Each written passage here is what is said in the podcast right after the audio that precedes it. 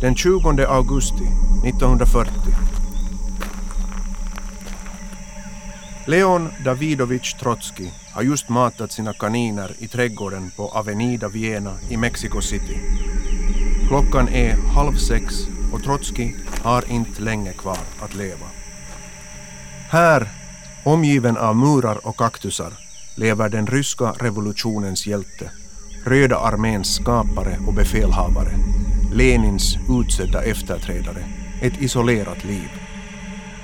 Från att ha uppviglat arbetarna till revolution med sina exceptionella retoriska förmågor är Trotskij numera omgiven endast av en hängiven, sektliknande anhängarskara.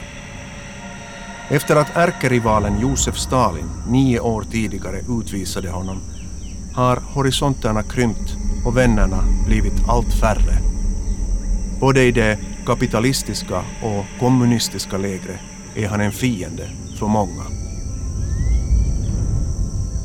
Men i Trotskijs huvud lever drömmen om att leda världsrevolutionen fortfarande kvar. Det vet också en viss Ramon Mercader, alias Jackson, som på Stalins order nästlat sig in i Trotskijs närmaste krets. Medan Trotskij matar sina kaniner uppenbarar sig Jackson oanmäld på gården.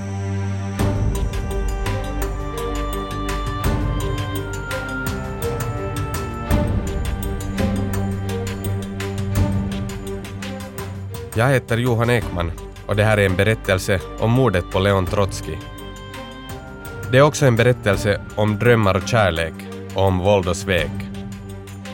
Och framför allt är det en berättelse om en individs försök att greppa den förbirusande historien i ärmen med avsikt att ändra dess riktning, bara för att till slut snubbla och falla.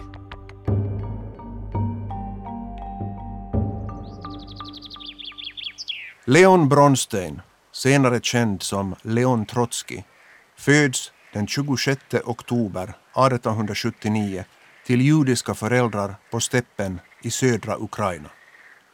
På dagen 38 år efter sin födelse, den 7 november enligt nya kalendern, kommer han att leda bolsjevikernas uppror i Petrograd.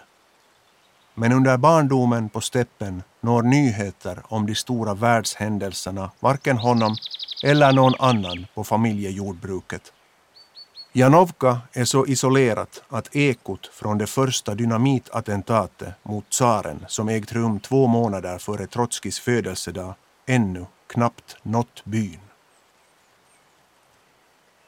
Familjen Bronstein lever ett stillsamt och anspråkslöst, men inte ett helt oangenämt liv, långt från de stora händelserna.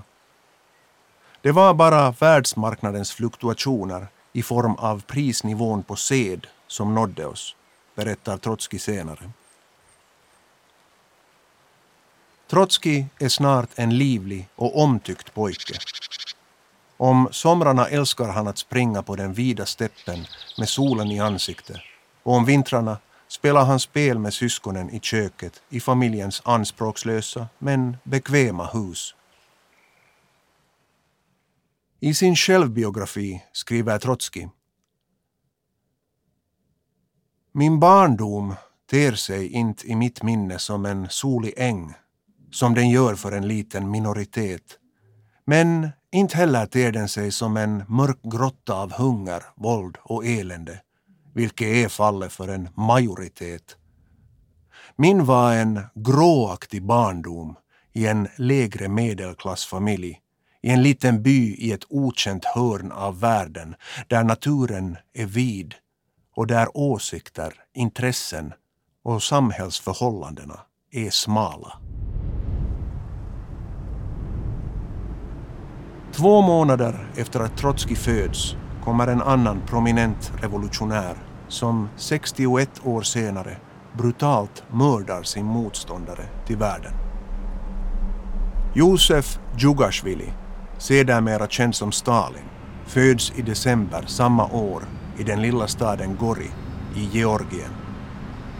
Medan Trotskij leker kurragömma med sina tre syskon mellan halmhögarna blir Stalin som är det fjärde och första överlevande barnet i familjen, brutalt misshandlad av sin alkoholiserade far.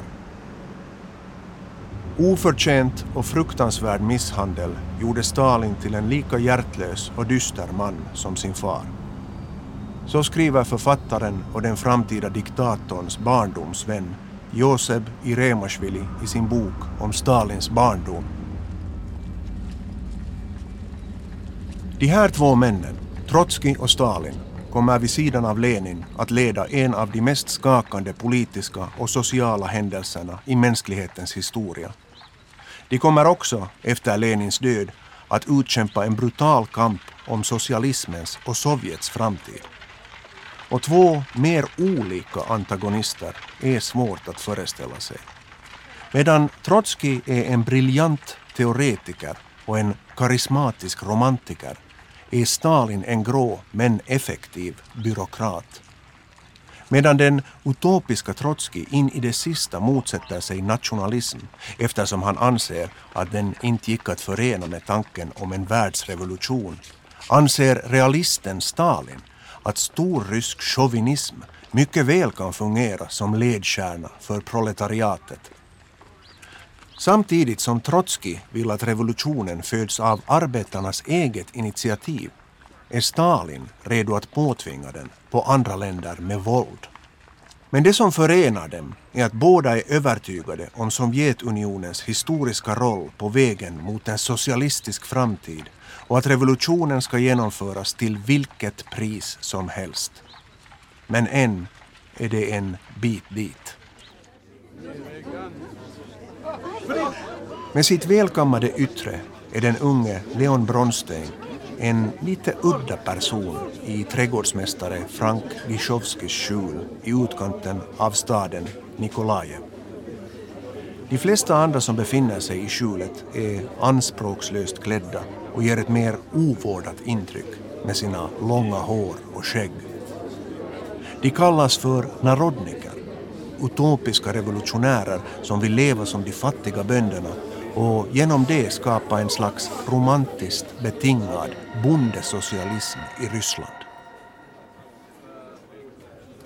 Stämningen i skjulet är spänd och fylld av energi som vanligt.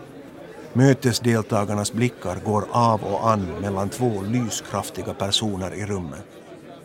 Det är som om narodnikerna skulle följa med en tennismatch till deltagarnas förtjusning är ordväxlingen mellan den stilige ynglingen Bronstein och det andra unga stjärnskottet i gruppen, Alexandra Sokolovskaja, i full gång som vanligt. Sällskapet brukar samlas här för att debattera på vilket sätt tsardömet bäst ska störtas. Det är inte en helt riskfri syssla. Om polisen får reda på vad som är på gång riskerar samtliga deltagare fängelse. Luften mellan Bronstein och Sokolovskaja sprakar. Men hur kan det vara, undrar Bronstein, att en ung flicka som du, full av liv, föredrar de där torra, enkelspåriga och opraktiska marxistiska grejerna? Blickarna vänds mot Sokolovskaja. Trots att Bronsten kallar henne för flicka är hon sju år äldre än han. De flesta unga männen i gruppen har varit förälskade i henne. Sokolovskaja ser tålmodigt på sin något självgode meningsmotståndare och frågar Men säg mig du, hur är det möjligt att en person som tror sig vara så logisk har huvudet fullt av så vaga och idealistiska känslor? Om några år kommer Trotskij att gifta sig med Sokolovskaja.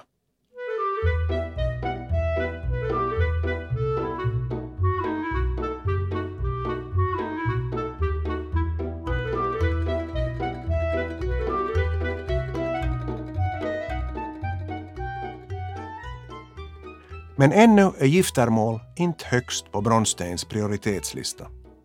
Efter skolåren i det livliga Odessa har han år 1896 flyttat till hamnstaden Nikolajev för att studera. I Odessa har han bott hos en bekant liberal familj som uppfostrat pojken från steppen till en flerspråkig, urban kosmopolit Under besöken hemma i Janovka känner sig Bronstein följaktligen allt mer främmande från sina föräldrar. Han är också kritisk till hur de behandlar arbetarna på gården. Efter flytten till Nikolajev blir brytningen med familjen allt mer påtaglig. I Nikolajev öppnar sig världen för den intelligente och hetlevrade ynglingen. Han börjar också leta efter ideal att binda sig vid. Men ännu vet han inte säkert vilken ideologi han ska välja. Bronstens tankar om samhället är vaga och romantiska.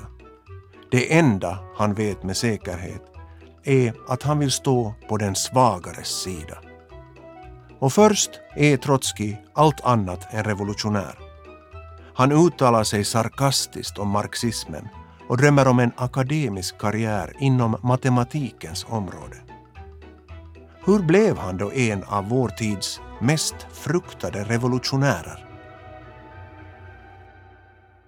Det var Alexandra Sokolovskaja, hans första fru, som inspirerade honom. Och när Trotskij väl låter sig övertygas av Sokolovskaja sätter han all sin energi på att röra upp revolutionära stämningar i staden.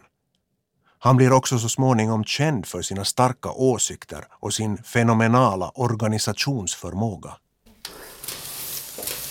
Snart grundar han en egen politisk organisation.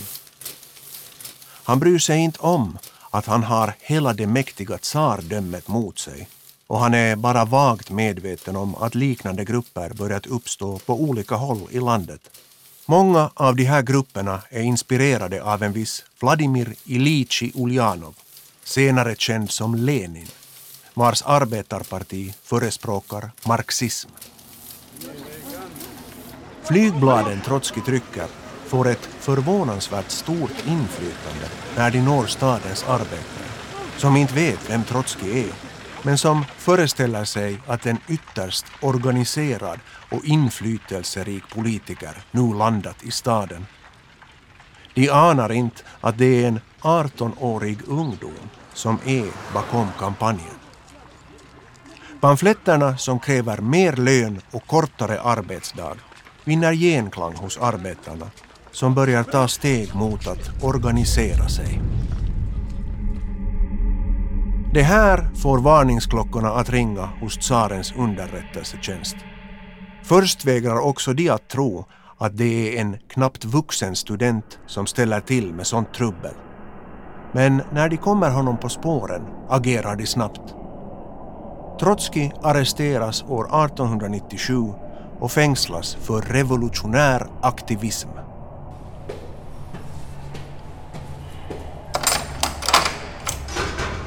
Upp med dig! Du ska iväg! Den yrvakne ynglingen stiger upp från sin madrass på uppmaning av fångvaktaren. Madrassen får han endast ha i cellen under natten. På dagarna sitter han på golvet eller vankar av och an och räknar stegen. Bronstein har suttit i sin isoleringscell i flera månader. I motsats till andra som blivit arresterade har han behållit förståndet och inte drivits till självmord. Men nu äntligen händer något. Bronstein låter sig ledas ur cellen av fångvaktaren.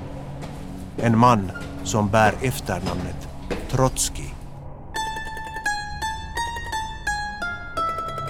Bronstein förs nu vidare till ett fängelse i Odessa. Han är fortfarande isolerad från de andra fångarna. Men medan han väntar på sin dom är hans tillvaro något bekvämare. Han får tillgång till fängelsebiblioteket och läser där Bibeln på engelska, franska, tyska och italienska. I två år väntar han. Sen faller domen. Trotskij ska deporteras till Sibirien för en period på fyra år. Medan han väntar på att domen ska verkställas i ett fängelse i Moskva läser han mängder av marxistisk litteratur och organiserar motståndsfickor i fängelset. Han gifter sig också med Sokolovskaja som då får följa med honom till Sibirien. I Sibirien föder Sokolovskaja parets två döttrar som båda kommer att dö före sin far.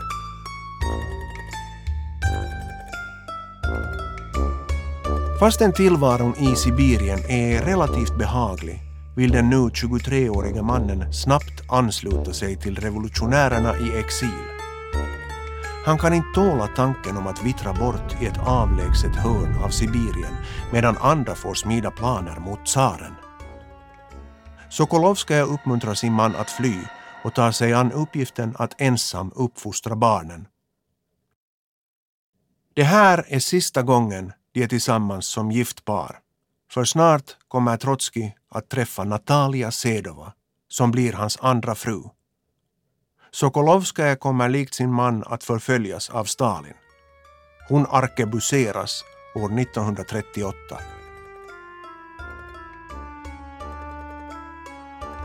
Sommaren 1902 beger sig Bronstein iväg från Sibirien. Han får tag på ett förfalskat pass och antar sin forne fångvaktares namn, Trotskij. Och några månader senare, en tidig morgon i oktober, knackar exilrevolutionären Trotskij på hemma hos en äldre kamrat som ska hjälpa honom. Lenin tar honom under sitt beskydd och hyser in honom i sin lägenhet i Kings Cross i centrala London.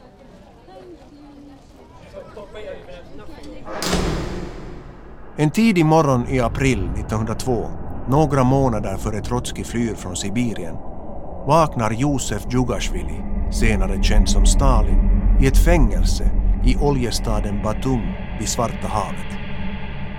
Efter att i fyra månader agerat som socialistisk agitator i staden har Koba, som han nu kallas, blivit inspärrad. Pseudonymen Koba betyder den okuvlige och det namnet kommer gamla bolsjeviker att använda om honom också efter att han blivit känd som Stalin. Koba är en socialist som inte har mycket till övers för teoretiker av Trotskijs typ. Han är, i motsats till medelklasskosmopoliten Trotskij, av samma skrot och korn som arbetarna och bönderna Trotskij gillar att analysera i sina texter. Koba stiger upp tidigt. Det ingår i hans stränga fängelserutin att genast i gryningen börja bedriva intensiva studier i socialistisk teori. Koba har främst dragits till socialismen för att den ger ett teoretiskt berättigande till det klasshat han känner i hjärtat. Hela sitt liv har han och människor i hans omgivning blivit förnedrade, exploaterade och misshandlade. Han har insett att orsakerna till det är strukturella på teologiseminariet i Tbilisi. Där har han studerat under de disciplinära och fanatiska prästerna som inte drar sig från att piska elever som inte gör som de säger. Där har han nämligen hört om socialismen av andra studeranden. Men prästerna vill inte ha socialister i sina led och Koba måste avbryta prästutbildningen på slutrakan. Då börjar han istället predika om revolutionen på heltid. Och nu väntar han, likt så många andra regimkritiker, på att deporteras till Sibirien.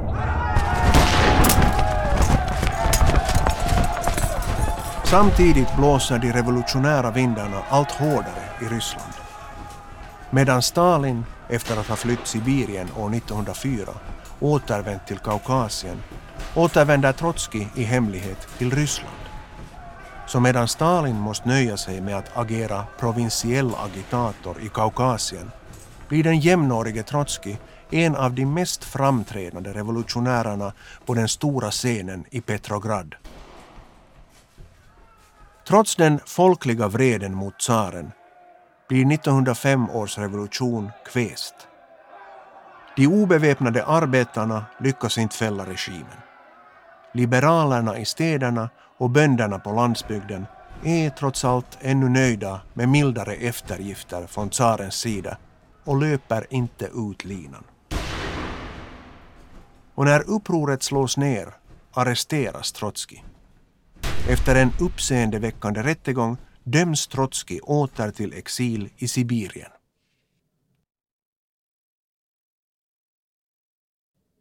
Morgonen den 5 januari 1907 deporteras Trotskij. Men Trotskij har inte för avsikt att tillbringa flera år i Sibirien. Redan under fångtransporten lyckas han fly. Före nyheten om flykten nått Petrograd har Trotskij med släde korsat tundran och åter lyckats ta sig till London. Därifrån fortsätter han till Wien, var han kommer att tillbringa många år. Som aktiv menshevik inleder han en bitter kamp mot sin forne mentor Lenin, som leder bolsjevikerna. Det är också i Wien år 1913, 27 år före Stalins agent slår ihjäl honom, som Trotskij för första gången träffar sin framtida fiende, ansikte mot ansikte. Ögonblicket är undflyende, men gör ett bestående intryck på Trotskij. Trotskij är i färd med att samtala och dricka te tillsammans med sin partikamrat, mensjeviken Skobelev, som är medlem av Duma. Plötsligt avbryts deras samtal och en man träder utan att knacka in i rummet. Trotskij presenteras för en man med gula ögon och ett uttryck av vresig fientlighet i ansiktet. Det här är kaukasen Djugashvili, medlem av bolsjevikernas centralkommitté, säger Skobelev. Djugashvili grymtar fram en knappt hörbar hälsning, fyller på sitt tomma teglas från samovaren och går hastigt ut. Trotskij blir förbryllad över det fientliga uttrycket i mannens ansikte. Han vet inte att Djugashvili för ett antal år sedan deltagit i en kongress i London och hört Trotskij kritisera de av Lenin ledda bolsjevikerna som Stalin också tillhör. Stalin har föraktfullt efter kongressen rapporterat om Trotskijs fagra onytta till bolsjevikerna. Med det menar han att Trotskij är bra på att tala men att det han säger inte är till hjälp för att i praktiken genomföra revolution. Den unga Djugashvili tänker redan då att Trotskij är en farlig opportunist.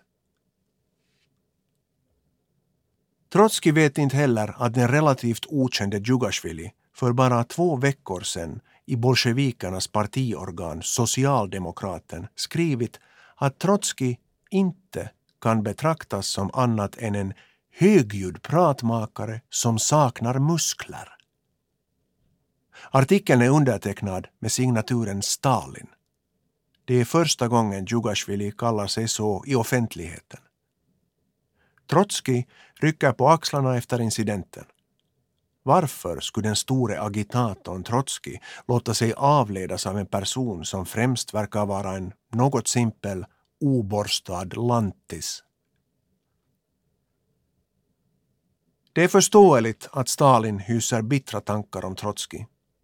Medan den lojale Stalin i åratal levt i livsfara under jorden har Trotskij efter sin sista spektakulära flykt med släde genom Sibirien befunnit sig utomlands. Med sig har han tagit sitt rykte som en av hjältarna efter den första misslyckade revolutionen. Åren efter 1905 har varit tunga för revolutionärerna. De har utsatts för förföljelser av tsaren. Trotskij har tillbringat de tyngsta åren med att teoretisera och diskutera på europeiska kaféer, menar Stalin. Själv har han samtidigt riskerat livet och lett attentat mot fienden borta i Kaukasien. Och när Stalin och Trotskij möts i Wien tillhör Trotskij fortfarande mensjevikpartiet. Det är först fyra år senare, när Trotskij efter åratal av exil via Finland anländer till Petrograd för att spela en avgörande roll i 1917 års revolution, som han återansluter sig till Lenins parti, bolsjevikerna.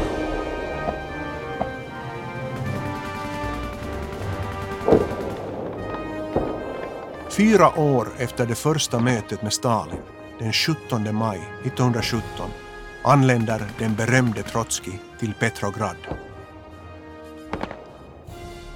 Efter att tsaren fallit tar en regering ledd av de moderata socialisterna över makten.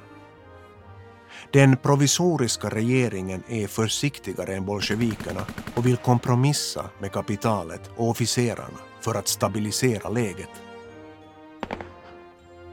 Kerensky, som leder regeringen, är orolig över att revolutionen börjar gå för långt. Snart låter han arrestera Trotskij som uppviglar massorna mot regeringen medan Lenin går under jorden. Men inget verkar kunna stoppa bolsjevikernas framfart. Och snart omkullkastas Kerenskis regering. Bolsjevikerna, som nu har majoritet i Sovjeterna, deklarerar att de tar över den lagstiftande makten och i oktober beslutar de att med vapen i hand avsätta Kerenskis regering. Nu börjar också Stalins och Trotskijs öden sammanflätas allt mera.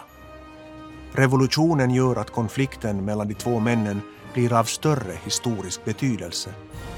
Vem som leder partiet kommer att vara avgörande, inte bara för Ryssland, utan för hela världen. Folkfavoriten Trotskij får först i uppdrag att sluta fred med Tyskland. Därefter blir han utsedd att ur intet skapa vad som kommer att kallas den röda armén. Samtidigt börjar det dra ihop sig till inbördeskrig i Ryssland. Men trots att Trotskij är medveten om att han snart kommer att utsättas för åtskilliga faror kan han knappast ana att den som slutligen kommer att lyckas med att döda honom just då stryker omkring i hans omedelbara närhet i Kremls korridorer. Så här berättar Trotskis andra fru, Natalia Sedova.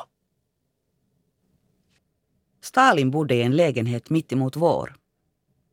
Stalin var inte kommunikativ. Ofta trumpen och ointresserad av att uppföra sig hövligt. Han hade mycket lite kontakt med Trotskij. Och när de hade det talade de endast om arbetsangelägenheter på mig hälsar Stalin likgiltigt. Eller så ignorerar han mig totalt. Hans unga hustru, Nadja Alyjeva, dotter till en revolutionär kaukasisk järnvägsarbetare, var å andra sidan en charmerande figur. Hon var både intelligent och spontan. Egenskaper som längre fram skulle förorsaka henne outhärdlig smärta och driva henne till självmord. Trotskijs nya granne är helt olik de andra bolsjevikerna som stiger i rang under revolutionen. Medan Lenin, Trotskij och de andra medlemmarna av partiets politbyrå är teoretiska och intellektuella personligheter är Stalin motsatsen. Stalin är visserligen utbildad till ortodox präst men i jämförelse med de andra ledarna är han lågutbildad och inte speciellt intresserad av teori. Speciellt karismatisk är han inte heller. Trots att han läser på för att lära sig om ekonomi och sociala frågor är Stalin framförallt en praktisk man som trivs i kommittérummen. Han är känd som en ypperlig organisatör men avfärdas annars ofta som en relativt medelmåttig och oinspirerande politruk. Stalin är avundsjuk på Trotskij men han vet hur han ska vända sin svaghet till en styrka. Stalin profilerar sig tidigt som en anspråkslös folkets man, redo att göra de tråkigaste administrativa uppgifterna samtidigt som den självupptagne Trotskij skiner i offentligheten. Stalins beteende får så gott som alla de andra ledande bolsjevikerna att kolossalt underskatta honom. Ingen av dem kan ana att Stalin inom några årtionden kommer att beordra avrättningarna av dem själva. Eller att han kommer att ta absolut kontroll över partimaskineriet och statsapparaten. Det är bara Lenin som senare, bokstavligen på sin dödsbädd, inser vilket kolossalt misstag det varit att låta Stalin bli partiets generalsekreterare. Men då är det redan för sent. Du har hört första avsnittet av serien Mordet på Trotskij. I nästa avsnitt anländer Trotskij till Mexiko där han blir huvudlöst förälskad i en känd konstnär samtidigt som Stalins agenter nästlar sig in i hans närmaste krets.